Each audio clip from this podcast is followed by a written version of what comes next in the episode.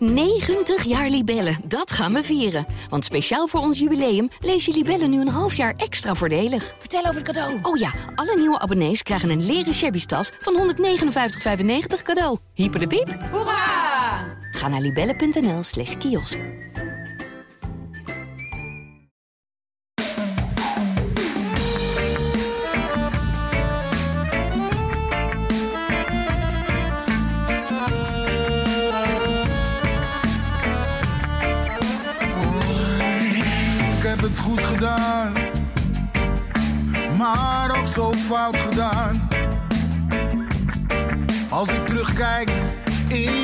Tijd, een lach met tranen. Het was Zo voor Ajaxide de week van de ontwenningsverschijnselen. Want na drie chockvolle maanden vol grote wedstrijden ligt er nu een week achter ons zonder Ajax-wedstrijd. Geen enkele hadden we er deze week, want er waren interlands en niet zomaar interlands, maar de eerste kwalificatiewedstrijden op weg naar het veelbesproken WK in Qatar. Welkom bij Brani, de podcast van het Parool en Ajax Showtime. Mijn naam is Menno Pot. En ik ga je voorstellen aan mijn twee gasten van vandaag. Dat zijn Finn Dekker van Ajax Showtime. Finn, welkom. Dankjewel. En aan de andere kant zit Jaap de Groot, columnist van het Parool. Eh, onder meer, onder veel meer eigenlijk. Ehm, Maar wel vooral. en wel vooral. Goed, oké. Eh, we, gaan het, eh, we gaan het hebben over natuurlijk het Nederlandse helftal en over die wedstrijden. Hoe de Ajaxiden het deden en alles wat erbij komt kijken. Maar wees gerust, verderop in deze podcast gaan we ook lekker lullen over Ajax. Want dat willen we natuurlijk ook. Eh, om maar meteen met het oranje gedeelte te beginnen. Eh, het WK in Qatar, veel over te doen geweest. Daar stond een paar dagen geleden een column over in het parool van Jaap de Groot. Nou, die zit hier toevallig. Jaap, kun jij eens vertellen, ongeveer voor de mensen die dat niet gelezen hebben, wat jouw punt is, wat je daar maakte? Nou, het punt is dat eh, het punt wat ik maakte was eh, dat, eh, dat ik aangaf dat de huidige discussie rond al dan niet boycotten van het WK in Qatar via de voetballerij, via het Nederlands elftal of wat dan ook, dat het één grote klucht is. We hebben elf jaar de tijd gehad om, uh, om te voorkomen dat het überhaupt daar gehouden werd. En zeker de laatste zes jaar, omdat in 2015 duidelijk werd, uh, ook juridisch vastgesteld dat er steekpenning waren betaald. Er werden FIFA-leden gearresteerd. Er zijn zelfs, zitten nu nog FIFA-leden in de gevangenis. En desondanks is alles gewoon doorgegaan. En dan op het laatste moment dan ineens de, de spelers met de rug tegen de muur te zeggen, zetten. En dan te eisen dat ze actie moeten ondernemen. Ja, ik vind symboolpolitiek. En ik, ik hou niet van symboolpolitiek. Als je echt vindt dat het daar niet had mogen plaatsvinden, hadden, hadden de bonden en ook FIFA het al minimaal vanaf 2015 uh, een dikke streep doorheen moeten, moeten trekken. Ja. Vin, mee eens? Ja, zeker mee eens. Uh, wat betreft de actie die Oranje heeft uitgevoerd, zit ik een beetje in het kamp mosterd na de maaltijd. Want als je dan iets had willen doen en een statement had willen maken, had het dan in die eerste wedstrijd gedaan en niet in de tweede wedstrijd. Nou, Misschien dat, durfden ze het niet in het land van Erdogan, hè? Dat, dat, dat is inderdaad wel iets wat meespeelt, denk ik. Um, maar goed, het, shirtje vond ik ook niet zo heel veel zeggen. Dan vond ik dat wat Duitsland deed met die, met die letters en die elf letters die uh, Human Rights spelden, vond ik, uh, vond ik krachtiger. Maar voor de rest uh, sluit ik me volledig aan bij Jaap, ja. Ja, maar je ziet ook dat, het, uh, dat je moet het gewoon überhaupt niet willen. Kijk, wat was de kracht van het uh, racisme, racismeactie van Frenkie de Jong en, en Wijnaldum? Dat ja. kwam uit het niets vandaan. En het was, daardoor was het zo sterk. Ik werd zelfs door CNN opgebeld om, uh, om een reactie te geven. En nu, uh, ja, nu zie je het aankomen. Het wordt min of meer opgelegd. Iedereen ja. duikt erop. Weet je. Het wordt belerend uh, worden ze toegesproken van dit en dat en zus en zo. En nu wordt ook nog de actie uh, wordt nog eens een keer uh, geanalyseerd. Terwijl ik denk, welke actie je ook gedaan had. Wat, had het, wat, wat was er in beweging gekomen? 100 procent, ja. Helemaal niks. Dit, ja. dit was, ja, nogmaals, ik gaf het net al aan. Ik heb een, echt een enorme hekel aan symboolpolitiek. En dit is één groot, één groot spel. Ja, ik heb zelf het idee dat er nog wel heel veel gedaan kan worden. Dat er in, in, de, in de activistische sfeer eh, dat je nog kunt proberen om het, om het Qatar, zeg maar, ver- het, een beetje het plezier van Qatar te verpesten voor het komende toernooi. Dat je misschien een sponsor zo gek kunt krijgen om zich terug te trekken. Of eh, dat, er, dat er eh, pers niet gaat. Of dat fans thuis blijven of wat dan ook. Maar inderdaad, het op het bord van, het, van de spelers leggen is niet fair. In deze is- fase? In, deze, fase. ja. ja. Kijk, Dus vooral blijven protesteren, denk ik dan. Maar niet die druk op die spelers leggen. Maar, maar Menno, het is ook heel tegenstrijdig. Hè? Moet je kijken hoeveel, hoeveel Nederlanders de laatste jaren eh, naar Dubai gaan. De arbeidsrechten in Dubai zijn minimaal net zo slecht als in, als in eh, Qatar. Daar hoor je dus gewoon niemand over. En natuurlijk, Qatar is natuurlijk helemaal inmi- inmiddels verweven in de, in het, in de topsport. Maar ook topvoetbal. De, eh, wat ik, heel veel clubs. Ajax speelt straks tegen Rome. Op de borst staat Qatar Airways. Een van, je zei net van de sponsors die ze terugtrekken. Nou ja, maar een van de belangrijkste sponsors van de FIFA en van dit toernooi is Qatar Airways. En as we speak komt waarschijnlijk nu op Schiphol en eh, wordt eh, het eh, team van Team Amsterdam eh, gehuldigd. Die dit weekend een geweldige prestatie heeft geleverd in de World Tour 3x3 basketbal. En een belangrijke stap richting Tokio heeft gezet. Maar ze hebben dat wel in, eh, in Doha gedaan. Net Ja. zo goed als Ja. eh, Ja, het WK Atletiek vorig jaar in Doha werd Er gehouden. zijn ook allemaal, allemaal bekerfinales van buitenlandse competities worden ook eh, overal in de wereld gespeeld. Wat dat betreft is het fijn dat we toch wel in de Kuip eh, straks die derde appel kunnen pakken. In plaats van dat, eh, dat het duizenden kilometers verderop is. Ja, maar, maar ja. ik bedoel er vooral mee te zeggen dat je hebt het WK Clubs gehad, alles in, in Ja. Qatar. Weet je, het, het, het, het draait gewoon door. En dan ga je dan op een gegeven moment ga je eh, van, de, van grote spelers eh, muizen maken die brullen. Weet je, dat. eh, Ja. ja, terwijl, nogmaals, en je hebt, je hebt een heel goed voorbeeld gegeven met het actie tegen racisme. Dat kwam uit het hart van Wijnaldum vandaan. Nou, dat maakt het ook zo krachtig. Mhm. en, en nu, ja, nu denk ik ook, nou ja. Football supports change. Ik vond het echt het een enorm slap, raar statement. En dan dat vreemde gedichtje erbij. Ik, ik vergeleek het op Twitter al met eh, dat het wel een beetje op een soort Borsato of blufftekst eh, leek eigenlijk. Eh, heel, heel, heel slap. En als je dan ziet wat de Finse Bond bijvoorbeeld doet. Die vaardigen echt een statement uit van... eh, mensenrechten zijn een universeel fundament onder de maatschappij en geen politiek issue. Dat is Ja. dan toch een stukje uitgesprokener dan wat Nederland deed. Ja. Ja, ja, maar en tegelijkertijd zeg ik ook, dat heb ik ook in mijn column geschreven. De eerste verantwoordelijkheid ligt bij gewoon bij de regering. En dan heb ik het, voor, eh, het voorbeeld gegeven. Stel bijvoorbeeld drie codes vast. Code geel. eh, de regering vindt niks van een situatie in een bepaald land. Dus een sport is, is vrij om te gaan. Code oranje. De regering geeft een soort van rij, een negatief rijadvies af. Een soort van. Waarbij de sport aan het nadenken wordt ge- gezet. En Ja. zelf kan bepalen hoe of wat. Eigenlijk een soort alarmpje aan de bond. ja, gewoon even een kattenbel. Ja. Maar code rood, dat houdt in een algehele boycott. Niet alleen voor het voetbal, maar dan moet je ook het bedrijfsleven, de reissector en de entertainmentwereld. Moet je, en, dan ga je, en dan laat je bijvoorbeeld een partij als Volt laat je in Brussel eh, lobbyen dat het eh, breed gedragen wordt in de EU. En dan heb je een gezamenlijk eh, Europees standpunt. En dan is sport onderdeel van beleid en niet van symboolpolitiek. Ja, ja. Dat is een helder, heldere opvatting en een heel concrete, werkbare opvatting ook. Dat is in ieder geval eh, iets wat eh, niet veel mensen kunnen zeggen. Dat ze met iets werkbaars aankomen zetten. Jaap de Groot doet dat wel. Waarvan akte. Ik vind dat er veel geprotesteerd moet worden tegen dat toernooi. Maar niet over de ruggen van de spelers de komende jaren. Laten we... En, en, en de spelers zijn gewoon vrij om te protesteren. Dat, dat, dat Ja. is gewoon, maar niet op een 1 tweetje zoals het nu gebeurt. Weet je. Dat Dit is, niet waar. eh, ik kan me is- niet voorstellen Is dat- schooltoneel. Ja. Ik kan me niet voorstellen dat ze dit zelf heel krachtig vonden. Maar dat, hey, laten we over voetbal gaan, eh gaan ouwe hoeren. Want daar gaat het natuurlijk eigenlijk allemaal om. Eh, die wedstrijden van het Nederlands elftal, daar waren natuurlijk Ajaxide actief. Yes. Finn, heb je ze gezien? Ik heb ze gezien, ja. Hoe blind. deden onze jongens het? Nou ja, Gravenberg viel twee keer in. Dat is natuurlijk voor hem heel leuk dat hij, eh, dat hij zijn debuut heeft gemaakt. Het was voor hem natuurlijk wel een vervelende wedstrijd om debuut in te maken. En dat voor de tweede keer. Want Oranje debuut is dus 4-2 eraf gaan tegen Turkije. Ja. En vervolgens eh, twee jaar, drie jaar geleden was hij eh, in Eindhoven ook niet eh, de gelukkigste man.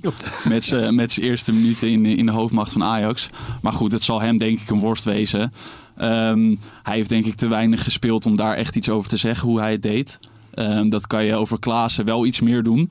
Prachtige goal, prachtige aanname. Ja. Mocht Als niet. invaller in de eerste wedstrijd tegen Turkije. Ja, De precies. tweede startte die wel. Ja, Om- en, eh, om, om in te lijsten. die Ja, ja, niet normaal. Ja. Eigenlijk niet heel erg des Klaassen om zo'n goal te maken, zeg ik dan, vind ik. Ja. Ehm, Maar eh, ja, en, en Daley Blind die speelde natuurlijk in het centrum. En de vraag is alleen, gaat dat straks op het WK ook zo zijn? Dat is natuurlijk de vraag of hij überhaupt speelt. En wanneer hij speelt, of dat linksback is of centraal. Ik verwacht eigenlijk niet dat dat eh, centraal zal zijn. Nee, want je hebt als, als Virgil van Dijk het haalt. Eh, nou, oké, dan is het helemaal bu- buiten iedere discussie. Ja. En dan heb je altijd nog Stefan de Vrij achter de hand. En Klopt. Dat, eh, dat zijn de koppels met eh, de licht die het gaan, eh, gaan doen. Ja, Ja. Maar dat deed- zei de licht ook al. hoe, hoe vond je Daley Blind spelen? Ik vond hem, ik vond hem goed spelen, ja. Ik, eh, Zo goed als bij Ajax.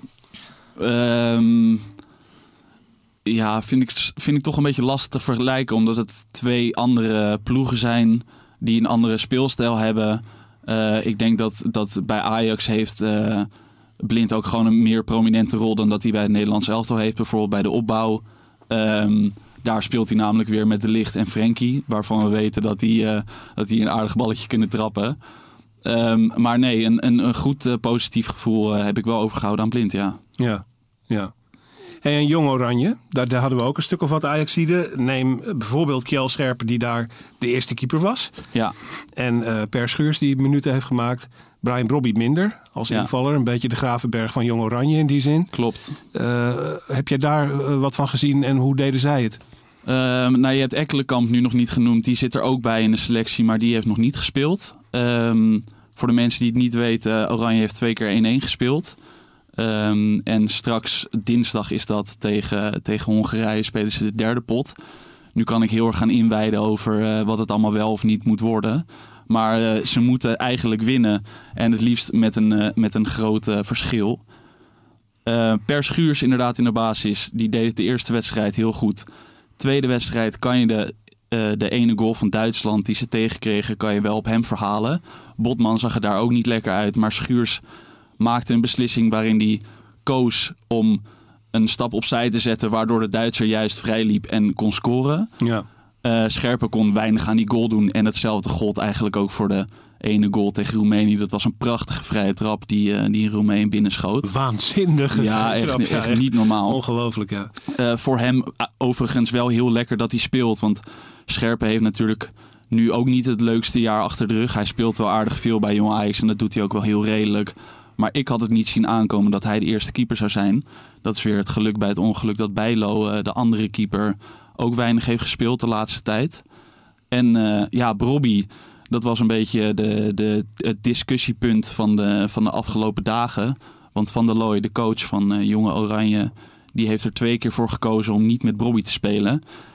Dat valt misschien nog wel uit te leggen. Maar in de tweede wedstrijd tegen Duitsland was er heel veel ruimte achter de, de Duitse verdediging. En daar had je een type zoals Brobby heel goed kunnen gebruiken. En Van der Looy koos ervoor om Brobby pas te brengen. In de 85ste minuut was het geloof ik. Omdat het 1-1 was geworden. Ja. Ja, Ja. Ik moet wel zeggen dat eh Scherpen was... heeft echt tegen Roemenië een, een eh, punt voor je gered. Dat kwam er ook nog bij. Hij heeft Ja, twee klopt. ongelofelijke reddingen verricht. En hij stond er. Ja. En, eh, en, en hij werd dan eh, echt ook beloond met de basisplaats ook tegen de Duitsers. En dan heeft hij ook geen fout gemaakt. zeker. Ja, klopt. Ja. Wat vond jij van Schuurs, Jaap? Want dat is eigenlijk toch een beetje hetzelfde verhaal lijkt het als bij Ajax. Hè? Dat hij eh, het eigenlijk zo slecht niet doet, maar toch weer een beslissende fout maakt Ja, uiteindelijk. het vreemd is ook dat... Voor mij zit Timber ook eh, in de selectie. Nee, die zit er niet bij. Oh, die, is, zat er eerst eh, wel bij, hè? Die, ja, die, Ja. die was oorspronkelijk wel opgeroepen, maar die is eh, wegens eh, ziekte. Ik Oh, weet niet oké, precies wat het is, maar we kunnen het misschien ja, allemaal wel af, invullen. want ik zag die lijst nog staan. Ja. Zit hij nou wel op de bank of niet, weet je? Nee. Maar hij, hij is weggevallen. Ja, Schuurs... Het, kijk, het punt is dat met Schuurs... ehm, die zit er vooral... Die wordt gebruikt... Van, van, vanwege zijn offensieve kwaliteiten. Zijn inspelpaas en zijn, zijn eh, toch wel zijn drang naar voren toe. Maar je ziet dus dat...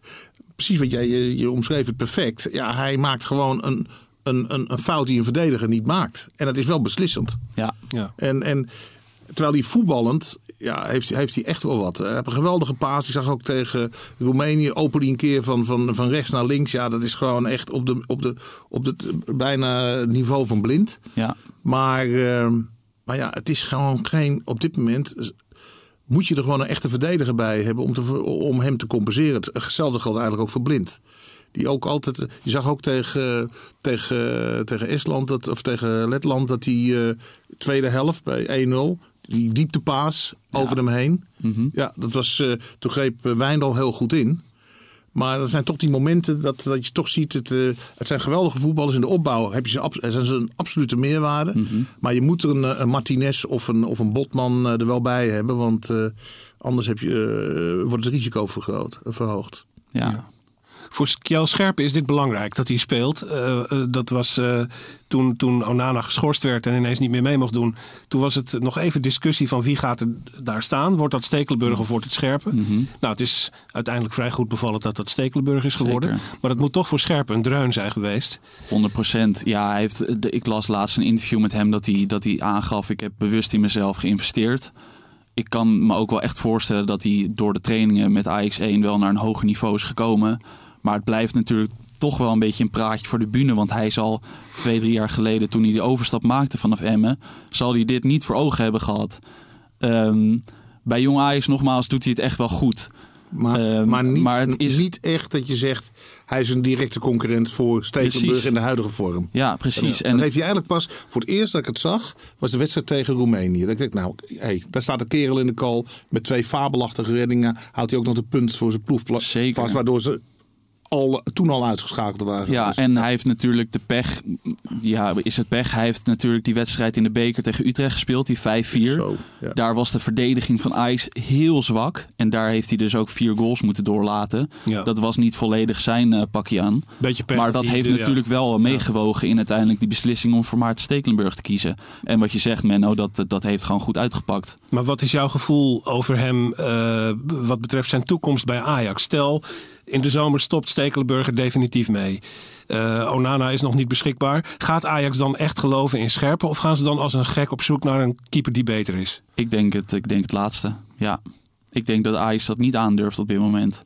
Tenzij die nu inderdaad dit EK geweldig blijft keepen. Want je hebt natuurlijk straks na de poolfase, dan stopt het EK als het ware. En dan gaan ze in de zomer gaan ze door. Mocht hij daar nou echt de sterren van de hemel keepen, dan kan de situatie misschien wel veranderen. Maar ik kan me niet voorstellen dat Overmars nu al bezig is met een lijstje.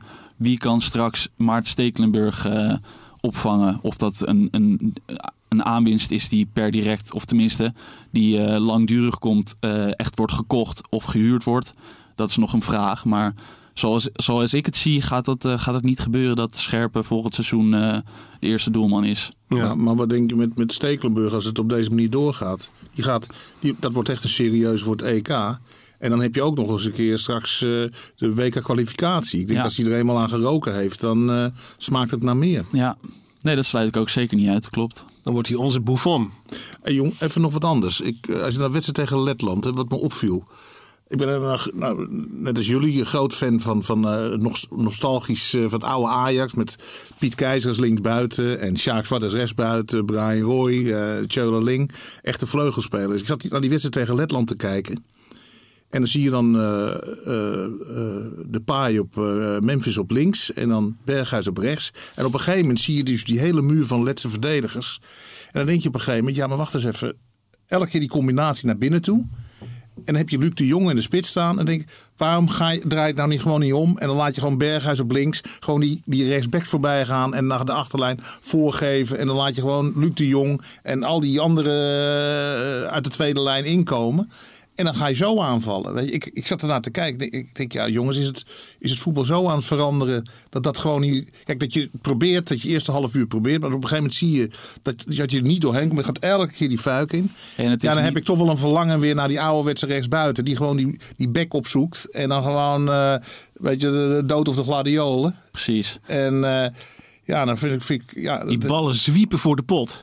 ja, Eh, en ja. dan- nu gebeurde het vaak via een 1-2. En dan gingen ze vanaf, eh, zeg maar vanaf het 16 meter punt gingen ze de ballen voorgeven. Maar ja, daar kan je niet op inlopen. Dat moet echt een beetje van een meter of 20, 25. En dan komt hij. Ja, en dan kom je gewoon met twee, drie man eh, kom je erin.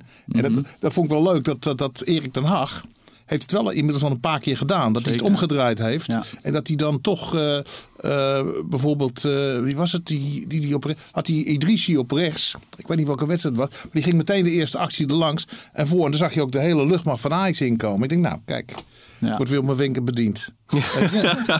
Ja, dus, kijk, je- je- dat vind ik mooi met een wedstrijd. Dat zagen we gisteren ook met de Formule 1. Het, het spelen met strategie en alles. Dan denk je, oké, je, je plan A. En op een gegeven moment denk je, 20, 25 minuten. Nou, weet je gooi het even om. Vroeger zag je toch in de tijd met Vergaal, met, eh, met Finidi en met Overmars. Dan draaiden ze gewoon om. Dan gingen ze gewoon even de backs even in de war brengen. Dan ging Finidi op links en dan ging Overmars op rechts. En dan, dan, Ja. dan draaide, eh, switchte je weer. Nu blijft het eigenlijk ook met Nederland zelf al. De hele wedstrijd, Berghuis op rechts. De paai eh, op links. En dan, eh, ja, en dan hopen maar op uh, Godzegen de greep. Ja. Misschien moeten we toch even ook eh, benoemen Frank de Boer als bondscoach. Een beetje een nationale pispaal aan het worden. Ja. Veel gezeur over eh, de slechtste bondscoach ooit. Las ik op Twitter eh, ongeveer honderd keer. Eh, eh, dat is natuurlijk iets wat we als Ajax er niet graag lezen. Dat doet een beetje pijn. Ehm, hoe goed of slecht doet hij het, Vin? Laat ik dat eens om te beginnen vragen. Poeh. ehm, wat is zijn track record? Hij, hij heeft nu, nu sowieso al slechtere resultaten dan Koeman.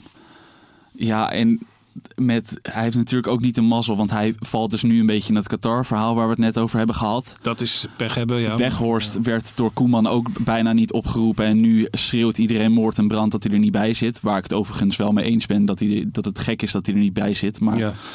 Maar alsnog, de, de boer krijgt zeg maar daar wel eh, de, de, de shit, eh, sorry dat ik het zeg, over zich heen. En dat had Koeman niet. Dus het is inderdaad, omdat hij het pispaaltje heeft, heeft hij dingen ook wel tegen zich. Heb ik het idee.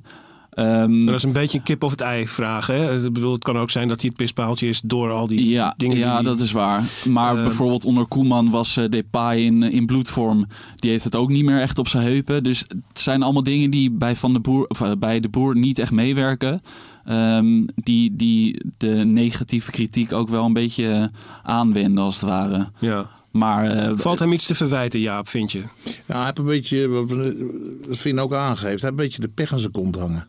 Terwijl eh, Koeman het geluk afdwong. Je kan, we hadden het net over strategie, over wedstrijdcoaching. Ik kan me heel goed de wedstrijd tegen Duitsland herinneren. Die, wat was het, 3-4 of zo, of 2-4? ja, zoiets ja. Die, die, die, die- dat, dat was echt 90 minuten lang. Ik denk dat dat de beste wedstrijd is geweest die Koeman ooit gecoacht heeft. Dat was, hij heeft vijf, zes beslissingen in een wedstrijd genomen... waardoor je zag dat het hele beeld van de wedstrijd elke keer eh, kantelde. En dat miste ik, miste ik eh, zowel tegen Turkije als, als Letland... mis ik dat bij Frank de Boer. Ik schetste net het moment van... ga met die buitenspelers, maak, maak oorlog.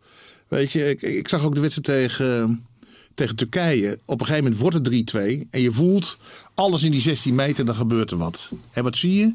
Dan zie je ineens eh, in die fase dat, dat die bal erin gepompt moet worden. Zie je de paai ineens van 25 meter op doel schieten. 20 meter over. En die gaat twee steekpasses geven. Waarbij de tweede geval de counter komt waar de 4-2 uitkomt. Weet je, dan, en, en, en er gebeurt verder niks tegen.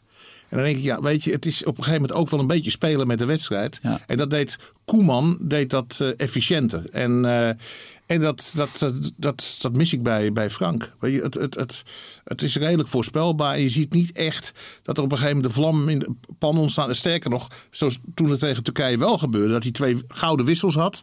Eerst eh Klaassen en vervolgens eh, de Jong. Binnen een minuut alle twee raak. Ja, en dan, dan, dan, dan, dan laat je toch gebeuren dat, dat je dat andere spelers je eigenlijk uit die flow halen. Ja. Hoe groot is eigenlijk de kans dat Nederland gewoon eh, zich niet plaatst? Ehm, Je moet eerst alleen de nummer 1 plaatst zich rechtstreeks in deze groep. nou, Eh, en dan moet er nog tegen Noorwegen gebald worden. Die hebben ook een aantal heel aardige spelers lopen momenteel. Die hebben een goede generatie met Haaland en Eudegaard. ja. Eh, hoe groot is de kans dat dit gewoon misgaat? Nou, ik denk als je vooral eh, in oogschouw neemt dat Turkije uit op papier de, de, de moeilijkste pot is. En die heb je nu achter, achter de rug. Het is vervelend dat je hem verloren hebt. Maar als je er één kan verliezen van al die wedstrijden, dan is dat er misschien wel. Thuis heb je tegen Letland gedaan wat je moet doen. Als je, als je straks wint, dan, eh, dan is er vrij weinig aan de hand. Dat, dat is voor mij nog niet reden om te panikeren, nee. Jaap kijkt iets bedenkelijker. Ja, ik, ik, ik, het, het spet het niet. Eh, En ik vind wel dat dat dat zie je ook met Jong Oranje. Weet je, er wordt dan gezegd we winnen dan even van, van de Hongarije. Maar ik heb die twee wedstrijden van ze gezien. Nou, eh, Als ze zo die lijn doortrekken, Ja. nou, dan wordt het echt nog een hele klus. Dan ga je gewoon als favoriet, ga je gewoon via de zijde eraf hè, Ja. straks. Dus, dus, dus en ik, er, moet wel iets gebeuren. En ook wat dat betreft moet Frank ook goed in de spiegel kijken en denken, oké, ik moet even, even een tandje bij. Want, want ik ben bang dat dit, ja, ja, wat ik al zeg, hij moet voorkomen... Dat, dat, dat, hij moet af van het eh, effect dat hij de eh, pech aan zijn kont heeft hangen. Want dat heeft hij op dit moment. Ja. En dat, eh, hij, ik ben benieuwd tegen Gibraltar. Dat, dat- daar moet je echt zes, zeven goals gaan maken. Om, om, om het gat te dichten. Want ik vind die, goals van vijf, die vijf goals verschil vind ik echt Ja. een, boel. Want je, je hebt niet drie punten achterstand, maar vier. Mhm. En ja, ja, ik mag wel even wat, wat ik al aangaf. Het mag, iets meer, mag, even, eh, het mag wel iets meer eh, gaan spetteren. Je zegt, je zegt het spettert niet. Dat is een beetje toch eh, eigenlijk een soort van samenvattend motto van Frank zijn trainerscarrière tot nu toe. Dat wordt hem veel verweten dat het niet spettert. Dat was bij Ajax al een beetje zo.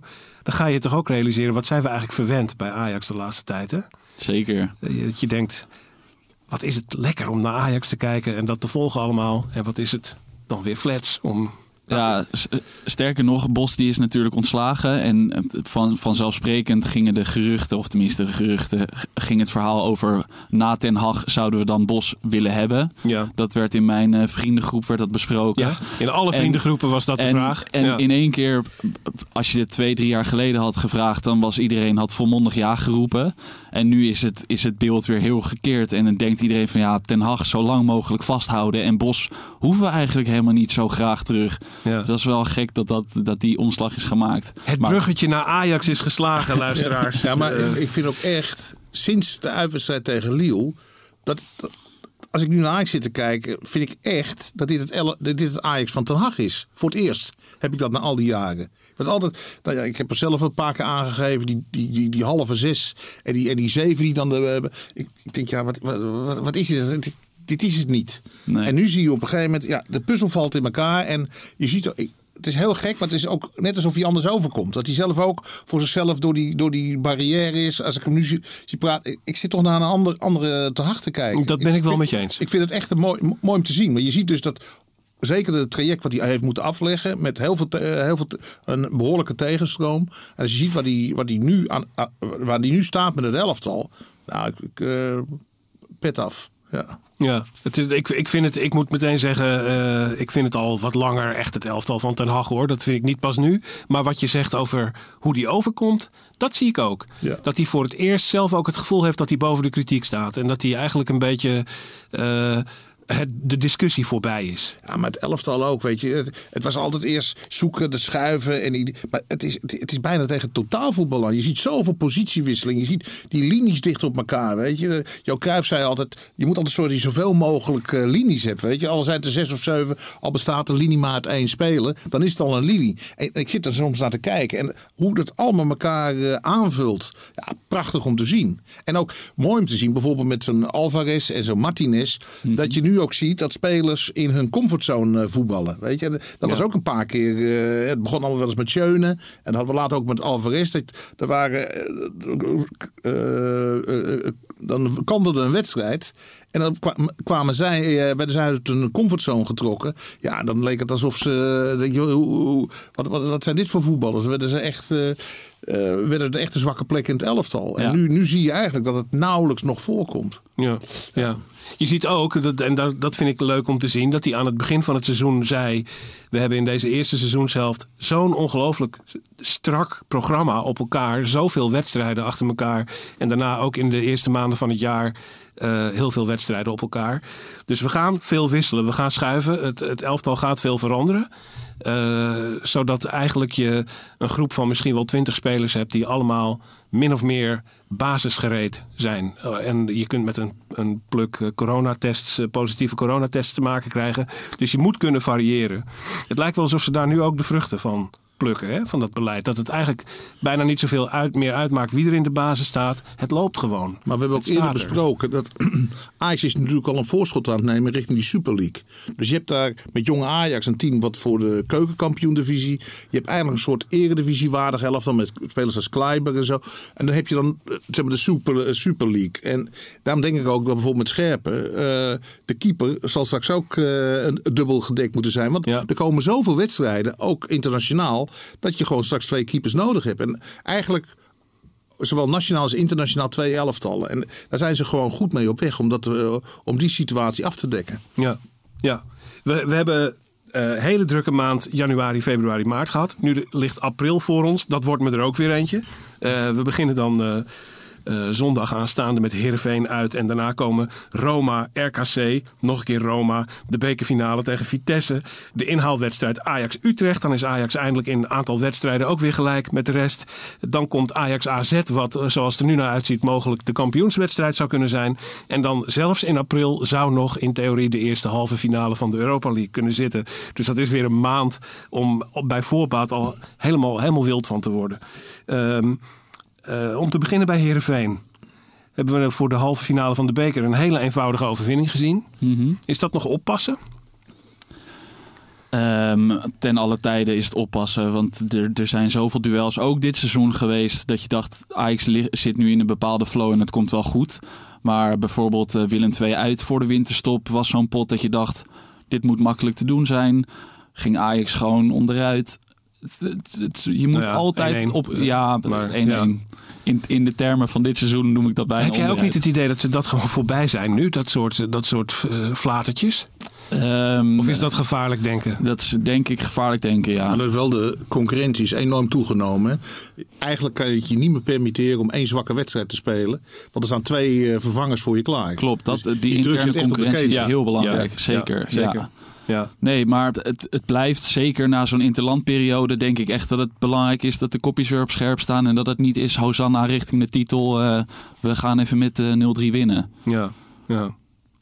Nu hebben we, ik noem Heerenveen, daar spelen we zondag eh, tegen.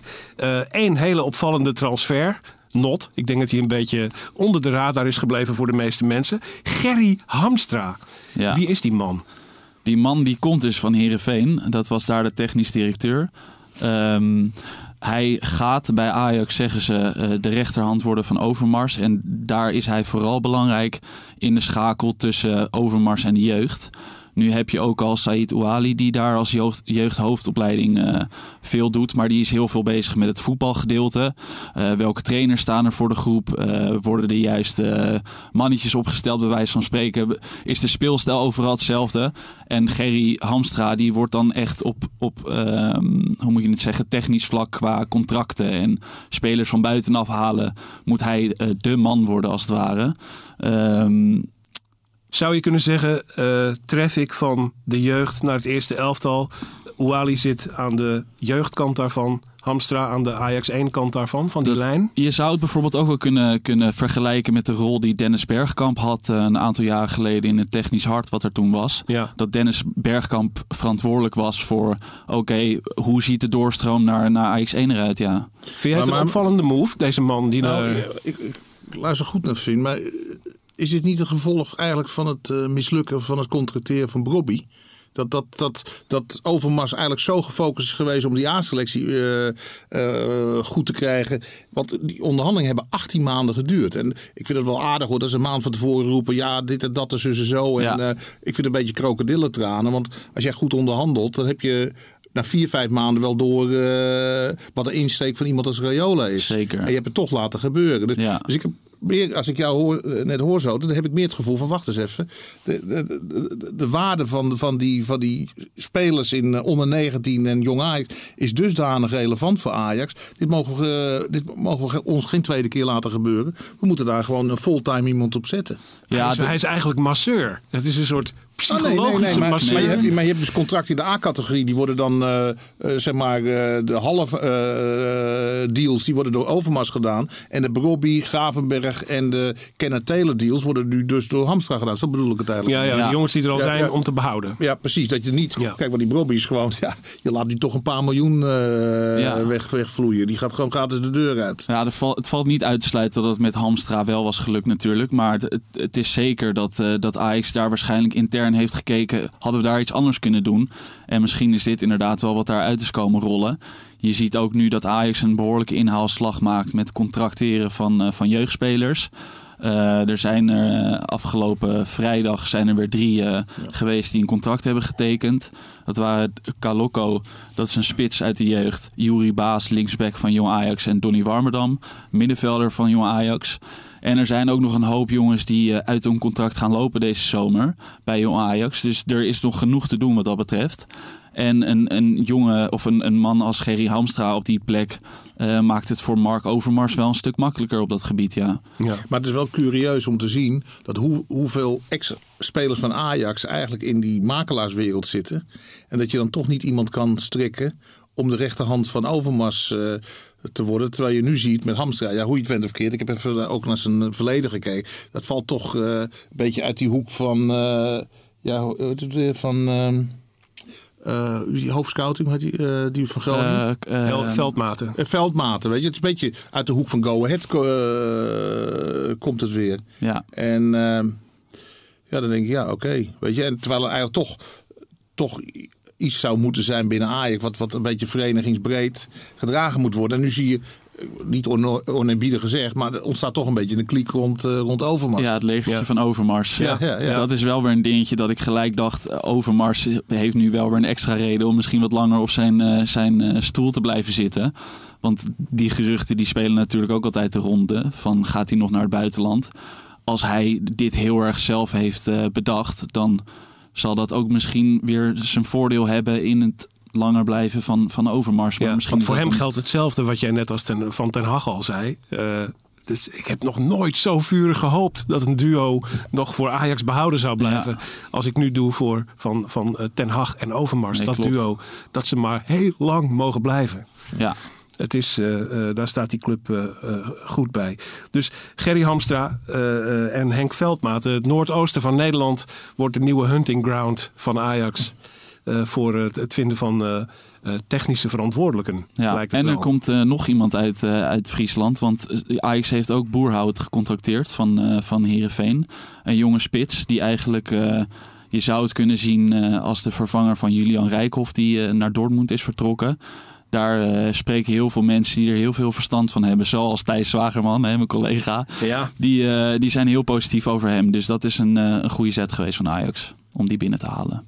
we gaan volgende week in Brani heel, heel erg uitgebreid praten over AS Roma. De tegenstander in de kwartfinale van de Europa League.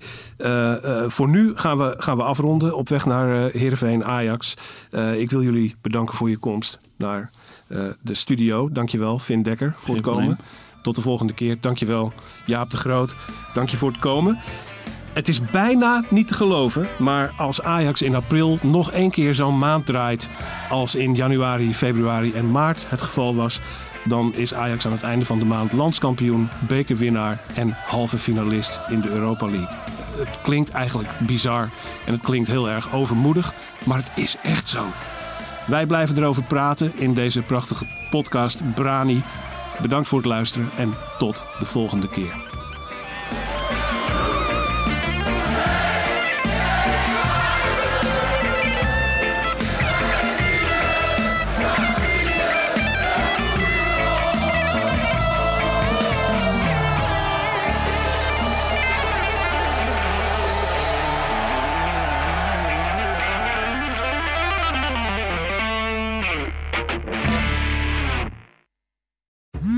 Worden dagelijks overladen met overbodige informatie. En het is moeilijk de zin van de onzin te scheiden. Daarom vertrouw ik op echte journalisten in plaats van meningen. Een krantenmens heeft het gemakkelijk. Word ook een krantenmens en lees je favoriete krant nu tot al zes weken gratis. Ga snel naar krant.nl. Bezorging stopt automatisch en op deze actie zijn actievoorwaarden van toepassing.